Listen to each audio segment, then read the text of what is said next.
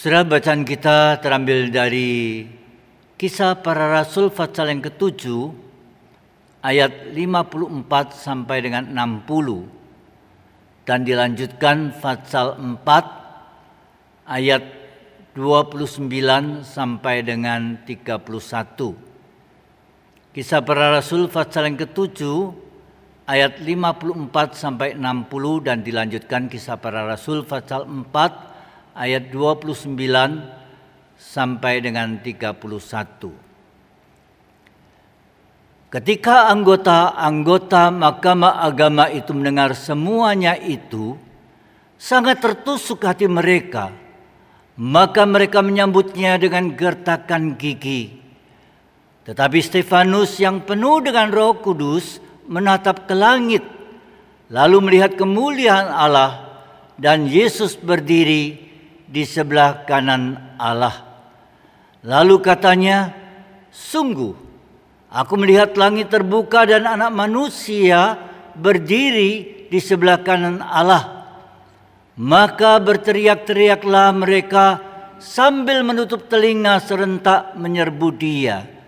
Mereka menyeret Dia keluar kota, lalu melemparinya, dan saksi-saksi meletakkan jubah mereka di depan kaki seorang muda yang bernama Saulus. Sedang mereka melemparinya, Stefanus berdoa katanya, Ya Tuhan Yesus, terimalah rohku.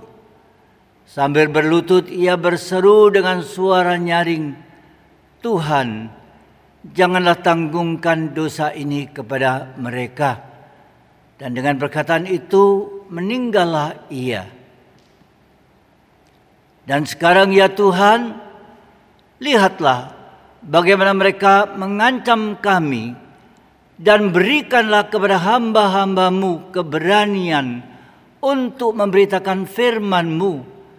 Ulurkanlah tanganmu untuk menyembuhkan orang dan adakanlah tanda-tanda dan mujizat-mujizat oleh nama Yesus hambamu yang kudus. Dan ketika mereka sedang berdoa, goyalah tempat mereka berkumpul itu dan mereka semua penuh dengan roh kudus. Lalu mereka memberitakan firman Allah dengan berani.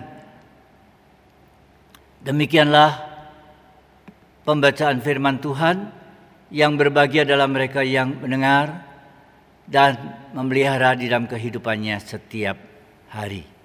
Saudara-saudara yang terkasih di dalam Tuhan Yesus Kristus, dalam perjalanan pelayanan saya dari awal sampai emeritasi, saya ibaratkan sebagai perjalanan sebuah kapal di tengah lautan. Di mana badai dan gelombang yang dahsyat sering kali menerpa yang ada kalanya dapat menghancurkan dan menenggelamkan kapal. Hal ini mengingatkan saya semasa muda yang bekerja di kapal Taiwan. Tempat di mana Tuhan menerpa dan mempersiapkan hidup saya sehingga kapal hidup layanan saya bisa berlabuh dan pada saatnya akan berhenti di pelabuhan abadi. Setelah hari ini kita memasuki minggu pasca yang kelima. Mari kita bersama merenungkan tema keberanian menjalani hidup. Setelah kalau kita mencoba untuk merenungkan tema ini, alasan apakah yang menyebabkan seseorang memiliki keberanian untuk menjalani hidup. Yang pertama tentunya ada penyertaan Tuhan. Ada yang mengatakan seorang pemberani pun pasti punya sedikit rasa takut di dalam dirinya. Berani dan takut adalah dua sifat yang manusiawi. Berani juga bisa digambarkan dua sisi mata uang yang tidak terpisahkan. Dan kata-kata di atas ini menyatakan bahwa keberanian seseorang tetap ada batasnya. Terlebih lagi saat ia menghadapi masalah yang begitu besar. Sebagai contoh, seorang patriot yang memberani saat ia menyaksikan istri dan anak yang dikasihnya diancam, bahkan akan dibunuh. Di dalam sekejap mata, keberaniannya berubah menjadi rasa takut. Saudara kalau begitu apa itu keberanian? Dan bagaimana memiliki keberanian menjalani hidup? Keberanian adalah ketegaran hati atau hati yang mantap atau kebulatan hati atau kita juga bisa mengatakan tentang keutuhan hati tentunya disertai dengan rasa percaya diri yang begitu besar saat menghadapi badai kehidupan. Sekalipun harus mengorbankan nyawa. Bacaan kita berbicara tentang Stefanus yang penuh dengan roh kudus. Artinya, Stefanus yang mengalami kehadiran Allah. Yang disertai Allah yang memiliki kehidupan akrab dengan Allah, yang dikuasai oleh Roh Allah. Kedekatannya dengan Allah bukan sekedar membuat dia melihat dan mengalami kemuliaan Allah, sebaliknya ancaman, penganiayaan, kematian yang menghadang tidak membuat dirinya menjadi takut ia menerima dan menjalani hidup dengan berani dan tenang. Bahkan ia berdoa serta memohon bagi orang yang menganiakan dirinya. Saudara-saudara Stefanus sadar dan siap. Karena ada penyertaan Tuhan. Sehingga suka maupun duka. Bahagia dan derita ia jalani dengan sukacita. Ia tahu Tuhan Yesus tidak pernah meninggalkan dirinya sendirian. Ia melihat langit terbuka dan melihat Yesus berdiri siap menyambutnya. Seburuk apa pun kehidupan yang terjadi, ia hadapi dengan berani sampai pada akhirnya keberanian menjalani hidup tentunya tidak lepas dari keteladanan yang sudah diberikan oleh Yesus yang datang ke dalam dunia melayani sebagai hamba dan rela mati demi menebus dosa manusia. Secara keberanian untuk menjalani hidup. Yang kedua, dengan mengubah cara hidup. Dengan adanya pandemi corona, banyak hal yang sudah berubah. Usaha manusia berubah. Banyak perusahaan-perusahaan besar yang mengalami kerugian, bahkan mereka juga sampai gulung tikar. Banyak orang yang mulai berubah di dalam cara berusaha mereka. Misalnya supermarket dan rumah-rumah makan melayani pembeli secara online. Cara hidup juga mulai berubah. Anjuran untuk diam di rumah saja sudah merubah kehidupan kita. Kebiasaan hidup kita jadi berubah. Kita mulai rajin cuci tangan. Terlebih lagi tatkala kita menerima sesuatu dari pembelian online dan lain sebagainya, kita langsung cuci tangan. Kita mulai rajin untuk mandi.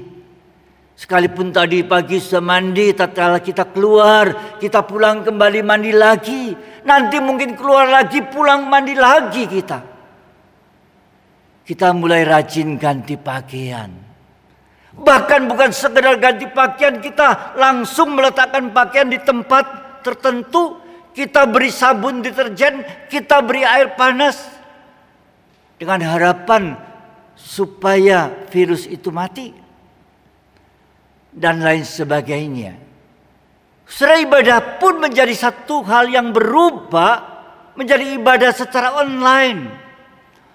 Orang dalam sehari bisa mendengarkan renungan firman beberapa kali. Demikian juga ibadah bisa kita lakukan berkali-kali pada hari Minggu. Dalam satu hari kita bisa melakukan di berbagai macam atau mengikuti berbagai macam gereja secara online. Dan masih banyak hal-hal lain yang berubah. Tetapi secara ada satu hal yang penting yang harus berubah. Yaitu hidup spiritual kita. Banyak orang menyebut diri Kristen, bahkan pengikut Kristus atau seorang aktivis. Tetapi kalau kita boleh mengatakan banyak di antara mereka yang kehidupannya masih diwarnai dengan kekhawatiran dan rasa takut. Perasaan takut dapat menjadi penghalang untuk menjalani kehidupan ini. Kegagalan hidup masa lampau sering kali menghantui kehidupan kita dalam menjalani kehidupan yang lebih baik. Padahal kegagalan tidak selalu buruk. Asal kita ada usaha untuk bangkit lagi. Sersa kalau kita perhatikan para murid Yesus pun bukanlah orang-orang yang hebat yang selalu sukses di dalam kehidupannya.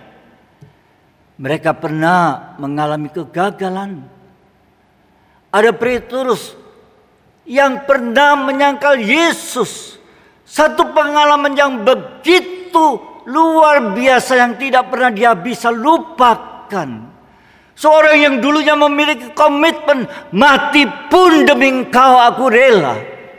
Tetapi di hadapan seorang wanita tatkala dia ditanya, "Bukankah engkau juga salah satu pengikutnya?" Petrus begitu gentar dan takut. Ada Kleopas dan temannya yang hatinya begitu lamban dan tidak percaya berita kebangkitan Yesus. Sekalipun di tengah-tengah perjalanan dari Yerusalem sampai ke Emmaus, Yesus hadir di tengah-tengah mereka. Yesus menceritakan kembali tentang kitab Taurat sampai dengan kitab para nabi. Bahkan Yesus menjelaskan, bukankah Mesias harus menderita, mati, dan bangkit kembali. Tetapi tahu mereka begitu lamban dan tidak mudah untuk mempercayai Yesus yang bangkit.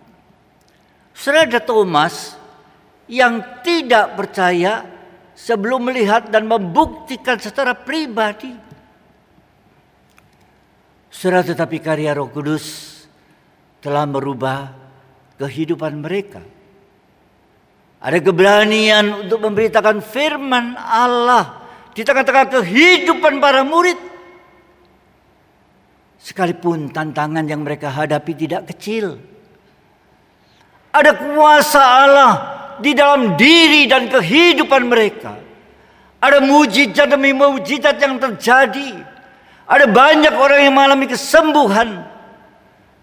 Ada juga orang-orang yang mengalami kuasa Allah di dalam kehidupannya. Selama ini mungkin kita menjalani kehidupan sekedar rutinitas. Ibadah yang kita lakukan, persekutuan yang kita adakan, doa kita, dan lain sebagainya. Kita jalani tanpa Tuhan, tanpa kuasa yang menyertai kehidupan kita. Semuanya sekedar mengalir. Mari kita mengubah cara hidup kita. Melibatkan Tuhan dan kuasa Roh Kudus. Dan tetap berkomitmen memiliki keberanian menjalani hidup. Kiranya Tuhan menolong kita. Amin.